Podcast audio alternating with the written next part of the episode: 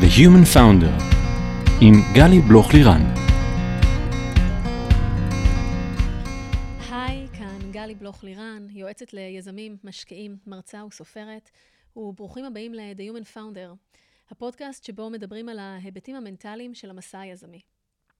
הימים ימים קשים ומורכבים ונוגעים בכל אחת ואחד מאיתנו באופן אישי. כל אחד מאיתנו כפרט, כקבוצה, כארגון או כקהילה, מוצא עצמו מטולטל, בין צרכים שהתרבו אל מול משאבים שפחתו. ביחד עם בית הספר לפסיכולוגיה באוניברסיטת רייכמן ובשיתוף פעולה צמוד עם דוקטור דנה פרג, בנינו עבורכם את סדרת החוסן, מתוך מטרה להעניק לכם כלים שיסייעו בחיזוק החוסן הנפשי הנחוץ כל כך בשעה הזו, בהתמודדות עם רכבת ההרים הרגשית שלא הכרנו כמותה. בחרנו אנשי טיפול ומחקר אשר יסייעו לנו להבין טוב יותר את מה שקורה לנו בנפש, במשפחה ובעבודה, בעת התמודדות עם אירוע טראומטי. המטרה שלנו היא לתת מילים ותובנות במקום שאלו נעדרות, ולהקל במעט במה שאפשר על ההתמודדות הנפשית והרגשית כדי שכולנו נחזק את החוסן האישי והקהילתי שלנו, וביחד ננצח. היום איתי כאן בפרק דוקטור טל קרטי. היי טל, כיף שבאת. טל, את פסיכולוגית קלינית ומדריכה, מרצה וחברת הסגל הקליני באוניברסיטת רייכמן. הקמת את מרפאת החרדה לילדים ונוער במרכז שניידר, ואת מהמטפלים הראשונים שהחלו את הטיפול הממוקד בחרדה בילדים בארץ. בשנים האחרונות את עוסקת רבות בהורות, מטפלת בשיטת אייקה, שבמרכזה טיפול בהורות, יחסי הורה-ילד, והנעת תהליכי שינוי אצל הילד באמצעות ההורה. ובאמת היום אנחנו ככה ניגע לעומק בכל הנושא של אה, חרדות, חרדה, איך להתמודד איתן, איך הן פוגשות אותנו כהורים לילדים, איך הן פוגשות את הילדים, וקצת ננסה לעזור סדר ולתת כלים בתוך הדבר הזה. אז אולי רגע נתחיל שנייה במה זה חרדה, איך אנחנו מזהים חרדה בתסמינים הפיזיולוגיים והנפשיים והרגשיים, ומה סוגי החרדות שאנחנו רואים היום, בימים האלה, של אחרי השבעה באוקטובר. טוב, אז קודם כל, שלום, תודה. אה, אני אגיד שחרדה היא הרגש הכי הכי ראשוני שלנו כבני אדם, שבעצם אה, מתעורר בנו כשאנחנו פוגשים מעשית, מחשבתית, אה, איום, סכנה להישרדות שלנו, בין אם הפיזית או הנפשית. חרדה, בגלל שהיא באמת מאוד מאוד מוקדמת וראשונית, היא, וכיוון שאנחנו בעבר היינו אה, מול סיכונים פיזיים, יש לה הרבה מאוד אה, ביטויים גופניים. אנחנו כולנו מכירים את התגובות של ה-fight או flight או freeze, שבעצם מבטאות את ההתגייסות של המערכת הגופנית והמנטלית שלנו להתמודד עם איום ועם סכנה ממשית. אז אנחנו רואים שלל של ביטויים פיזיים, אה, אנחנו רואים אה, עלייה בכל מדדי העוררות שלנו, בין אם זה דופק, אם זה נשימה מואצת, אה, מתח שרירים, שרירים מוגבר, תחושה של ממש עוררות חזקה. אנחנו נראה ביטויים של שינויים בקשב שלנו. כולנו עכשיו, אני כבר רוצה קצת לחבר את זה למצב הנוכחי. Mm-hmm. אני אגיד שאנחנו חווים, רובנו חווים עכשיו עלייה בתחושת הסכנה. הרבה אנשים מדווחים עכשיו באמת מבחינה גופנית על uh, עוררות מוגברת, על דריכות. אנחנו יכולים לקפוץ בקלות ולהיות מאוד מאוד uh, תגובתיים לרעשים שמחוברים אצלנו uh, במערכת כמסמנים uh, דברים שמסכנים אותנו, מאיימים עלינו. Mm-hmm. אז אנחנו נראה את הדריכות, אני אראה את העוררות. הרבה אנשים מדווחים עכשיו על קשיים לישון, אה, אנחנו נראה הרבה מאוד אה, אה, עוררות של המערכת הפיזיולוגית, אנשים שמדווחים על כאבי בטן, על כאבים בחזה. וכמובן יש מצבים שבהם אנשים ממש מגיעים לחרדה, סימנים של חרדה אקוטית, מה שמרגיש כמו התקף חרדה, שזה ממש ממש עלייה מאוד מואצת ומאוד עוצמתית של כל המערכת, מה שאנחנו קוראים המערכת הסימפתטית. מלבד הסימנים הגופניים, אנחנו רואים גם כמובן חוויה מאוד לא נעימה, חרדה זה רגש לא נעים. אז אנחנו, ובימים האלה, שבאמת אה, מחוברים לעוד הרבה רגשות לא נעימים אחרים, לעצב, אה, להרבה מאוד כאב ומצוקה נפשיים, אנחנו מדברים אה, חרדה כרגש מאוד אברסיבי. זה גורם לזה, גם העובדה שחרדה היא רגש מאוד לא נעים, וגם העובדה שבבסיס, בחרדה, יש איזה איום של סכנה ממשית, התגובות המאוד שכיחות, ההתנהגותיות שלנו כבני אדם, הן תגובות של או לברוח מהדבר הזה, mm. או באמת להימנע ממפגש איתו. ופה אני רוצה קצת להגיד דברים על מה שאנחנו גם רואים עכשיו, mm-hmm. שבאמת, אני רוצה להגיד שכל התגובות האלה מאוד מאוד טבעיות. אנחנו נראה אצל אנשים שונים, אה, הורים וילדים, הימנעות מכל מיני פעולות שנתפסות אה, לא בטוחות, מסוכנות. אנחנו נראה אנשים שנמנעים עכשיו אה, לנסוע בכל מיני מקומות, להיות במרחבים פתוחים. אנחנו נראה הימנעויות של ילדים וגם של הורים מהתרחקות אחד מהשני. אחד הדברים שגם מאפיינים אה, חרדה מאוד, זה בעצם לחפש את מה שנקרא את הסייפטי, את הביטחון, שזה באמת הדבר הכי הגיוני שיכול להיות. וגם את זה אנחנו נראה עכשיו. אנחנו נראה את זה במובנים של ההיצמדות למה שמרגיע אותנו. Mm-hmm. ההיצמדות האדירה שיש לנו למסכים בשבועות האחרונים. הרבה אנשים אומרים שבמובן מסוים, ברור שזה גם מאוד מעורר חרדה, אבל יש משהו בלדעת שמייצר איזושהי חוויה של שליטה. אני לא אהיה מופתעת, אנשים אומרים לי, אני לא אהיה מופתעת, ויש משהו בהיצמדות הזו למסכים, שיש בה איזושהי הקלה של אה, קצת אה, הרגעה. אז אנחנו נצמדים למה שיכול להרגיע אותנו. אני כבר אגיד שזה לא כל כך מומלץ, לי, זה ממש לא מומלץ להיצמד למסכים, שלא ישתמע שאני ממליצה. זה לכאורה מצד אחד מרגיע כן, אותנו, אבל מצד כן, שני ממשיך להזין. נכון, ואחד הדברים שנרצה לדבר עליהם או לחשוב עליהם, זה לזהות את הדברים שברגע המיידי מפחיתים את החרדה או את המצוקה או את הקושי שלנו, אבל בעצם אה, משמרים או אפילו יכולים להגביר או להשאיר אותנו עם החרדה. לטווח יותר ארוך, ואולי אפילו גם ליצור הסתבכויות, שזו נקודה מאוד חשובה לשים לב אליה. אז אני אגיד שאנחנו הרבה פעמים ניצמד למה שמרגיע אותנו, ואני כבר אומרת בסוגריים, בואו נשים לב כל אחד למה אנחנו, מה באמת מרגיע אותנו, ומה נותן לנו איזה שקט נקודתי, אבל אחר כך בעצם משאיר אותנו מאוד חזק עמוק בתוך החרדה. אז אנחנו רואים את זה גם אצל ילדים, אה, היצמדות גדולה להורים, קשיי פרידה, קשיים ללכת לישון. אה, כמובן שאנחנו רואים הרבה חוסר שקט, עצבנות, הרבה קושי לווסת את עצמנו רגשית. אה, התקפי זעם, התקפי בכי, אה, זו תחושה של להיות על הקצה, זה הכל סימנים מאוד מאוד טבעיים ומאוד שכיחים עכשיו, שקשורים למצב, לחרדה, לחוסר הוודאות המאוד מאוד גדול. אני אגיד שמה שגם מלבה מאוד מאוד את החרדה שלנו כרגע, זה באמת גם האירועים הקשים מאוד מאוד מאוד, שפגעו, אפשר לומר, יצרו שבר בחוויית הביטחון של הרבה אנשים. אה, וגם באמת כל החוויה המתמשכת שיש של חוסר ודאות, שאלה חומרים מאוד מאוד אה, מזינים חרדה. אז את ככה משתפת, טל, על באמת המון המון תסמינים שיכולים ללבוש כל מיני צורות אה, פיזיולוגיות, רגשיות, התנהגותיות. נשאל שאלה כזאת בשפה פשוטה, איך אני יכולה לדעת כבן אדם, כהורה,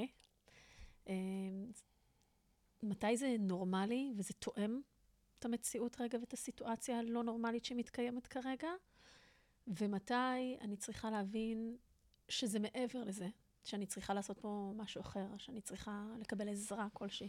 איך אני כאדם אינדיבידואל יודעת לשים את האצבע על זה? אה, קודם כל, זו שאלה מצוינת, והתשובה עליה היא מאוד לא פשוטה. אה, אני אגיד דבר אחד, אה, שמענו את זה בטח הרבה. המציאות שאנחנו חווים בשבועות האחרונים היא כל כך, כל כך אה, לא רגילה. היא mm-hmm. כל כך מאתגרת את הנפש שלנו, את המשאבים שלנו, שאני אגיד שכשאנחנו רואים כרגע תגובות אה, חרדה, אה, אני לא הייתי רוצה להריץ אנשים כרגע לטיפול. אני כן רוצה לדבר היום מה בעיניי חשוב לעשות, ומה בכוחם של הורים אה, לעשות מתוך הרבה אמונה שיש לי לאורך השנים, שהורים הם, אה, הם באמת אה, מגדלור רגשי אה, לילדים שלהם, ויכולים לתת כיוון מאוד מאוד מיטיב להתפתחות של ילדים, גם במצבים מאוד מאוד קשים, כמו שאנחנו עוברים עכשיו. ולכן אני לא הייתי רוצה להריץ אנשים לטיפול כרגע. אני כן אגיד, אם בכל זאת את תתעקשי, אני אגיד שאנחנו אה, אנחנו רוצים לראות אה, אם יש מצב של ממש ממש הפסקת תפקוד.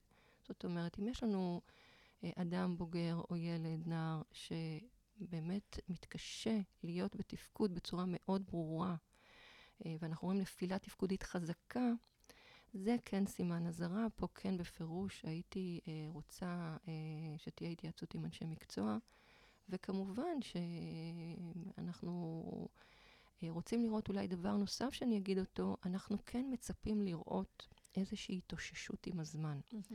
איזושהי, איזשהו שינוי.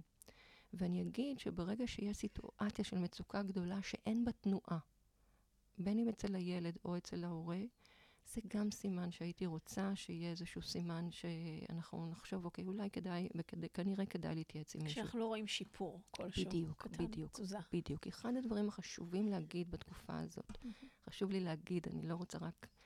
אני, אני, אני, תפקידי פה לא להגביר, אלא הייתי רוצה שנוכל לשאת את החרדה. זה mm-hmm. משפט מאוד חשוב. אז אני רוצה להגיד שאחד הדברים המאוד משמעותיים שקורים וכבר קורים לנו בימים האלה, mm-hmm. אני רואה את זה גם בקליניקה, אני רואה את זה בשיחות עם אנשים שהם אה, לא בטיפולי. יש תהליך של התרגלות, יש תהליך של הסתגלות, יש תהליך של התמודדות, יש משאבי ריפוי וכוחות פנימיים שנכנסים לעבודה בתוכנו גם בנסיבות מאוד קשות. וזה גם קורה עכשיו. וכבר עכשיו אני רואה, אם אני משווה סימני חרדה של היום ללפני שבוע או שבועיים, אני רואה השתפרות, וזה מה שאנחנו רוצים, וזה טוב, וזה, וזה טבעי שקורה. זה עדיין לא אומר שאין הרבה חרדה באוויר. יש, וכמו שאמרתי קודם, יש לה את כל המצעים, את המצע הכי נוח להתפתח ולהיות, להתקיים בתוכנו כרגע.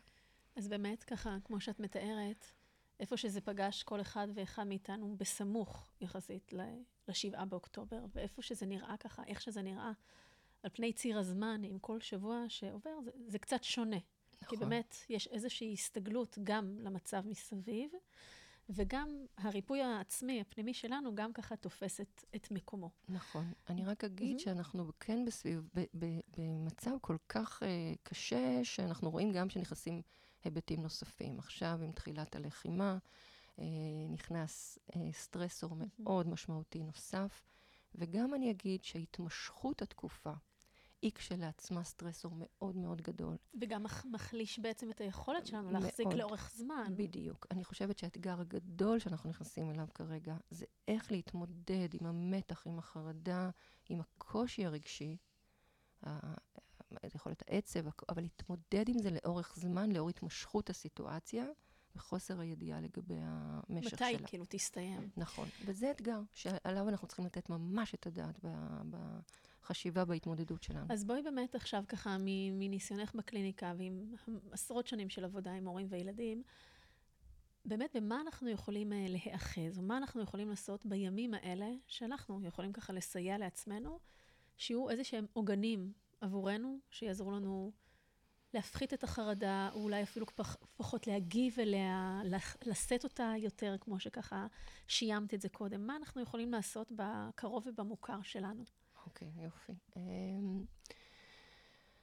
תראי, אני אגיד כמה דברים שהם uh, מאוד משמעותיים. קודם כל, אני אגיד שכרגע הורים הם האוכלוסייה מאוד מאוד מאותגרת, רגשית. מכל הסיבות שאנחנו, שציינתי ועוד רבות אחרות. אני חושבת שאנחנו כהורים מייצרים כמובן את הסביבה לילדים שלנו.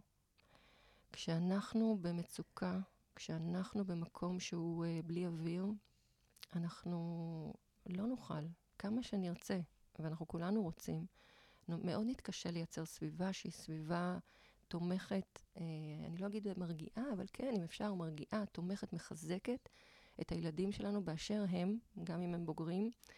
ולכן האתגר הראשון בעיניי הוא להורים.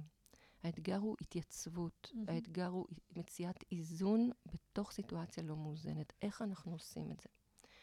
אז אני רוצה להגיד כמה דברים שאנחנו יודעים שעוזרים. דבר שמאוד מאוד התערער כרגע אצל רובנו זה תחושת הביטחון.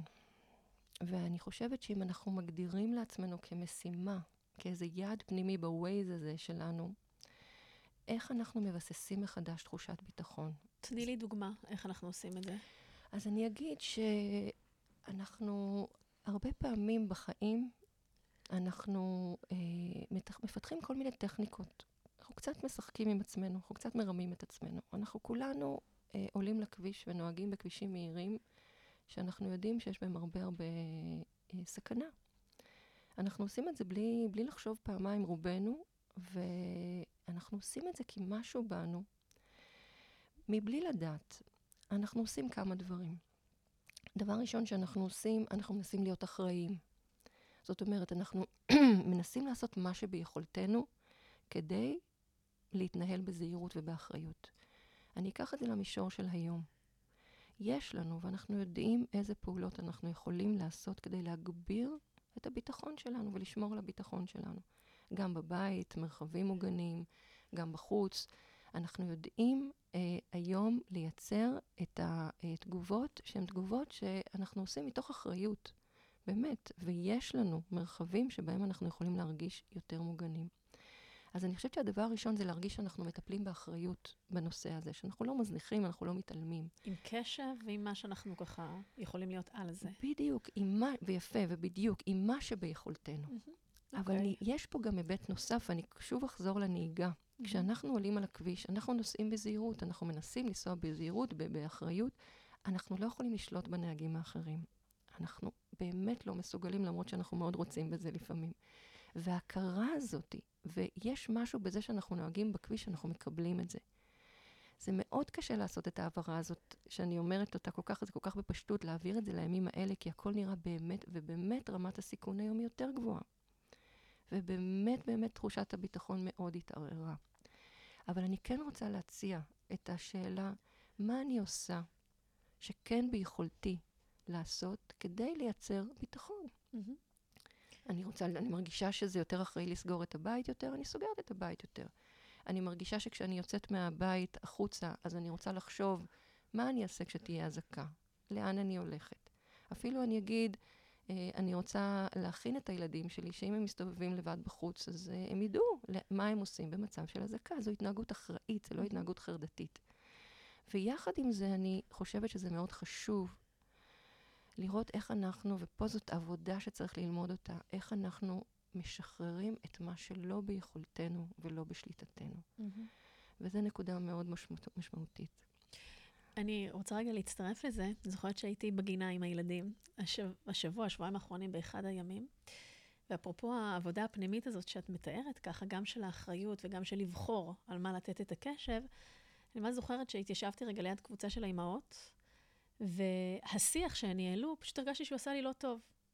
כי א', אין לנו יכולת לשלוט על מה שקורה, אנחנו גם לא יודעים באמת mm-hmm. מה שקורה שם בעזה או בדברים. וכל הספקולציות האלה, פשוט הרגשתי שהן מורידות אותי למטה, וגם זו שיחה כזאת לא...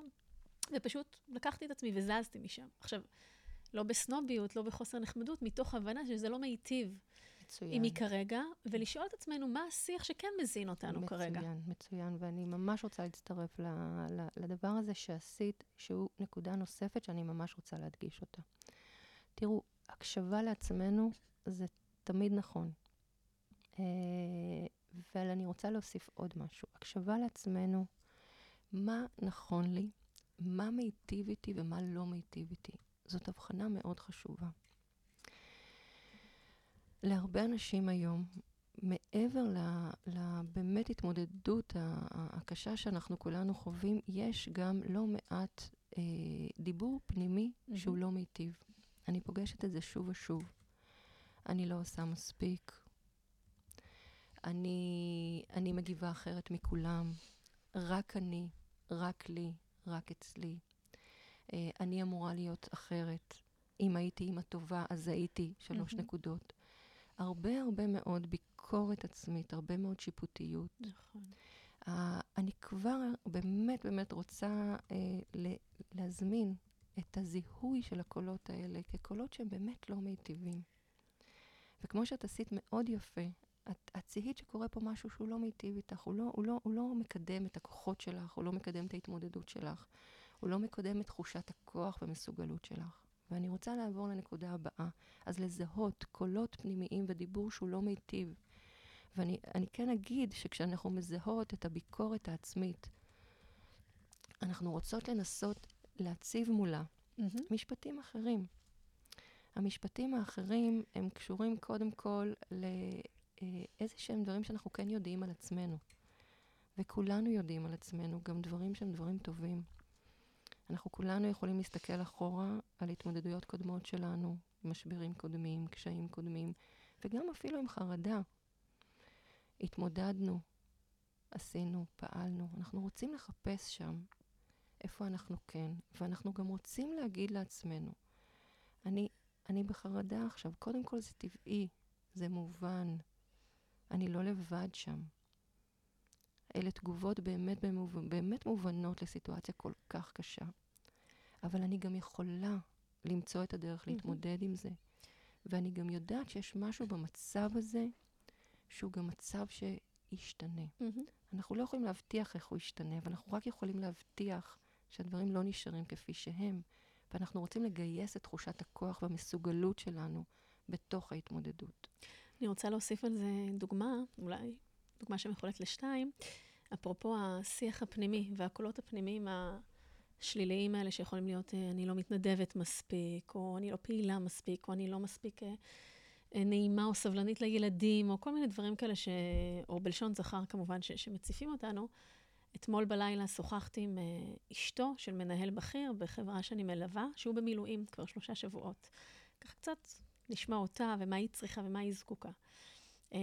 ולמשל, שתי דוגמאות שהיא העלתה שם, אחת זה שהיא לא מתנדבת, היא לא מרגישה שהיא מסוגלת להתנדב כרגע, וכולם מתנדבים וכולם עושים, וכאילו איך היא בתוך הדבר הזה. וחלק מהשינוי שיח הפנימי שלנו זה במקום להגיד, אני לא מתנדבת, אני לא יכולה, לראות מה אני כן יכולה. אז נגיד להתנדב זה לא אומר שחייב ללכת עכשיו ליומיים שלמים ולא להיות בבית בכלל, אם יש לך שלושה ילדים קטנים. ולהתנדב, אולי זה גם ללכת לשעה במקום שקרוב למקום מגורייך ולעשות את מה שאת יכולה שם. אז איך באמת לעשות את ההיפוך הזה, או את השינוי המחשבתי? ועוד דוגמה, היא רצתה, הרי אנחנו, יש לנו נטייה לפעמים להתבודד בסיטואציות האלה, וקצת קשה רגע עם החברה, ודווקא זה מאוד מועיל, להיות קצת עם חברות או עם נכון, פנים מחייכות. נכון. ואמרה, אני מרגישה שאני לא יכולה לשבת עכשיו בכלל לשתות קפה עם חברה בבית קפה, זה, אני מרגישה אשמה, אני מרגישה... ואז אמרתי, אוקיי, ואם תזמיני את אותה חברה אלייך הביתה, או תלכי אליה לגינה, או תעשו הליכה, אז אתם עדיין תהיינה ביחד, אבל לא בעצם בבית קפה שאת מרגישה אם זה לא בנוח. ויש עוד המון כמובן דוגמאות, אבל איך באמת בצורה פרקטית על כל שיח או מחשבה של שיפוטיות עצמית או ביקורת עצמית כזאת שעולה, אנחנו יכולים לתת לה את הקונטרה, את המשהו הקטן שיכול רגע לפתוח שם צוהר למשהו אחר, לאפשרות חדשה. נכון, נכון. וזה בדיוק כזה. אנחנו לא יכולים למנוע עכשיו מחרדה להגיע, אבל אנחנו יכולים להשפיע על איך אנחנו פוגשים את החרדה. Mm-hmm. אני רוצה פה להזמין עמדה מאוד ידידותית לעצמנו. וגם מקבלת את האנושיות שלנו. זה בעצם המונח של חמלה עצמית mm-hmm. נכנס פה מאוד מאוד חזק. ואני מאוד מצטרפת למה שאת אומרת. אני רוצה להגיד שלקיים את תפקידנו ההורי, זה גם אתגר מאוד גדול בימים האלה. ו- ואני חושבת שבאמת היכולת הזאת אה, אה, לראות מה נכון לי, גם מתוך הכרה שאולי היום אני לא יכולה, ואולי השבוע אני לא יכולה, אבל יש לנו כאן מצב מתמשך. והיכולת וה, הזאת להגיד, זה מה שאני יכולה עכשיו. ואני גם uh, פותחת את האפשרות שמתישהו יתאים לי משהו אחר, mm-hmm. ואני אוכל לעשות גם משהו שכרגע אני לא יכולה. Mm-hmm. אבל אני אגיד, קודם כל, להחזיק את המשפחה ולהיות עם הילדים במקום של תמיכה, זה המון, זה וגם המון. זה סופר מאתגר. ועל אחת כמה ש... וכמה, כשאחד מבני הזוג, נגיד במילואים או באזור אחר, אז, אז, אז לא כל שכן ככה, על אחת כמה ו- וכמה. וכשאנחנו בשגרה כל כך משובשת, שהמסגרות של הילדים, נכון. זה מעמיס כל כך הרבה על ההורים. עשייה היא מאוד משמעותית, אבל עשייה שמותאמת לאפשרות mm-hmm. שלנו. אני כן, אנחנו כן יודעים שעם חרדה, אחד הדברים שהכי עוזרים זה היכולת לפגוש את הדבר, לפגוש את הקושי שלנו ולהיות איתו. Mm-hmm. ולפגוש אותו עוד פעם, לנסות לייצר, ופה אני כן אגיד כמה דברים קצת יותר פרקטיים, במובן של אה, אם אנחנו אה, רוצים להיות מסוגלים, ופה אם אנחנו למשל רוצים לחזור, לעזור לילד לחזור mm-hmm. לדברים שהוא כן היה מסוגל לעשות, כי אחד הדברים שאנחנו יכולים לראות אצל ילדים זה פתאום איזושהי חזרה להתנהגות ששייכת לשלב קצת יותר מוקדם, קשיים שכבר פעם אה, עברנו אותם ופתאום חוזרים, זה מאוד מאוד שכיח. אז אנחנו כן רוצים לעשות את הדברים בהדרגה, אנחנו כן רוצים לייצר איזשהו מפגש עם הקושי, מפגש הדרגתי וחוזר, כדי שתיבנה תחושת מסוגלות. ואני אגיד שדבר מאוד משמעותי זה בכלל לייצר עכשיו תחושת מסוגלות. ופה לנו ההורים גם יש המון המון אפשרות להעביר לילדים, לבקש מהם לפעמים אפילו עזרה, לתת להם תפקידים, לתת להם אחריות, לנסות לחשוב כל הזמן איך אנחנו מייצרים גם בתוך עצמנו עשייה שנותנת תחושת מסוגלות. כמובן עשייה לאחר, העשייה הכי מחזקת, mm-hmm. אבל גם לילדים שלנו. כי כשחוויית המסוגלות עולה, אנחנו גם יכולים לפגוש את החרדה בצורה הרבה יותר טובה, וגם, אני אגיד, עם העיניים הטובות האלה שדיברתי עליהן קודם. זה יותר קל לנו מאשר כשאנחנו אה, בהימנעות. אז תגידי, טל, אנחנו ככה דיברנו, עברנו יותר קודם מההורים, ואיך באמת הלקיחת אחריות, וההקשבה לעצמנו, והחמלה העצמית, והדיבור הפנימי, ועשייה משמעותית, ולפגוש את הקושי ככה, המון המון אה, כלים שנתת. אם בכל זאת אנחנו עכשיו כהורה מתמודדים עם ילד ש... או ילדה שבאמת נמצאים באיזושהי חרדה מוגברת, מעבר ככה ל... לא אם לקרוא לזה נורמלי, אבל למה שכרגע אנחנו מרגישים שהוא ככה מוכל, מה אפשר לעשות שם? טוב, זה יכול להיות, אה, התמונה יכולה להיות מאוד מאוד מגוונת, מורכבת, כן. וכמובן שבסוף זה גם מי זה הילד ומה קרה שם, אבל אני, אני אנסה להגיד משהו ככה מאוד כללי. כמובן ש... כמו שאנחנו רוצים להכיר ולקבל את הרגשות שלנו, המבוגרים, כטבעיים, כנורמליים, ולהיות אמפתיים לקושי, mm-hmm. כמובן שהדבר הראשון והמשמעותי זה לקבל ולהכיר בקושי ולהגיד, אני יודעת שזה מפחיד, אני מבינה אותך. אה, להביא את האמפתיה שלנו, להביא את החיבוק שלנו. אה, מגע, הרבה פעמים, עוד פעם, לילדים שזה מתאים להם, לא לכולם זה מתאים, אבל כשמגע מתאים, כמובן, אה, ולהכניס את המילים המרגיעות ככל שאנחנו יכולים להכניס, להכניס אותם. אנחנו פה במרחב הבטוח, אני פה איתך. אה, לדבר גם כן על הכוחות ששומרים עלינו, על כוחות הביטחון שכן עושים את המרב כדי לשמור עלינו. כמובן שיש לנו גם סיוע של דברים כמו כיפת ברזל, ויש לנו גם באמת... להכניס את המה שומר, את המה מה כן נותן לנו את הביטחון, וכמובן, אני פה איתך.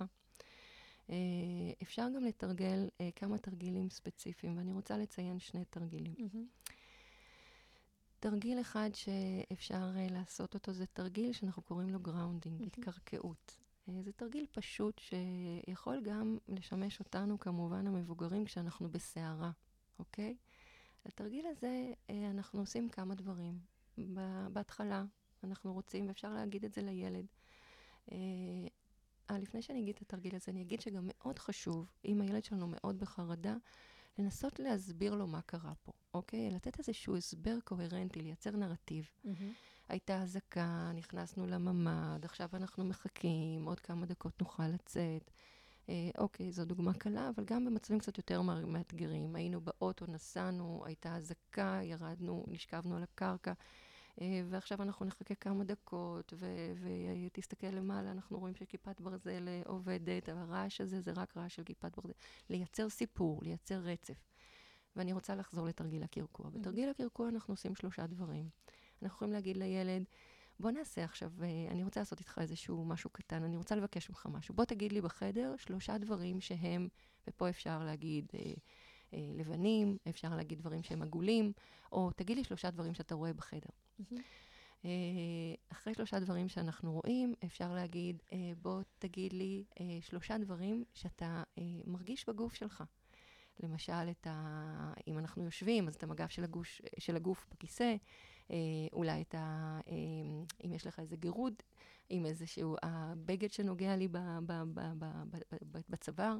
השלושה דברים שאני מרגיש בגוף, ולהגיד דברים שהם לא מטרידים, דברים רגילים. רגילים, בדיוק.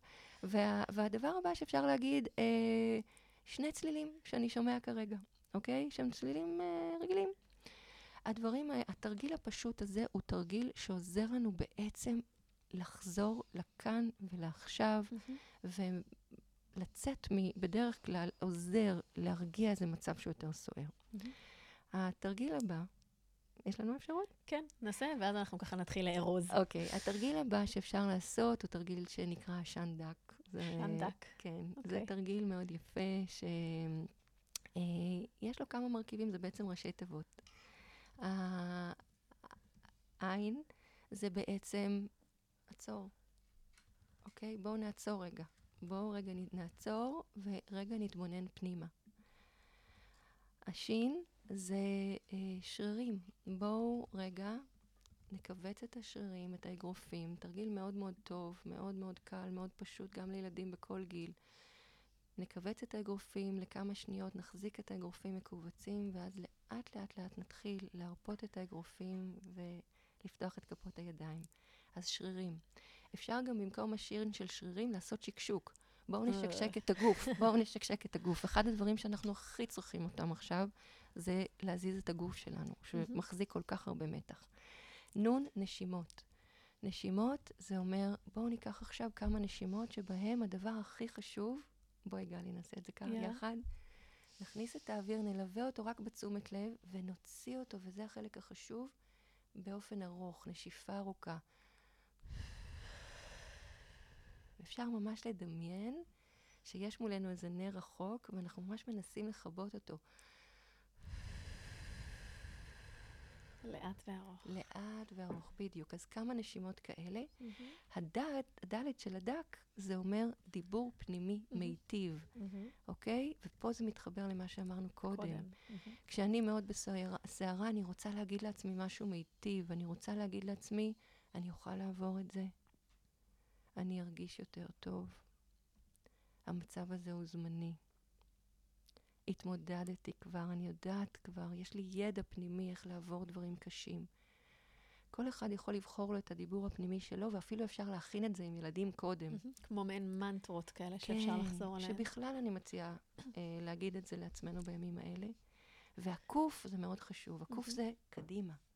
זה, זה בואו נראה עכשיו איך אנחנו... מה אה, הצעד הבא? הצעד הבא, איך אנחנו ממשיכים, וממשיכים אפילו למקום חדש.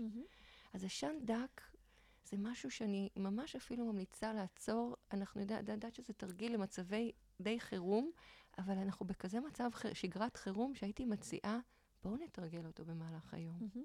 עם עצמנו ועם הילדים ביחד.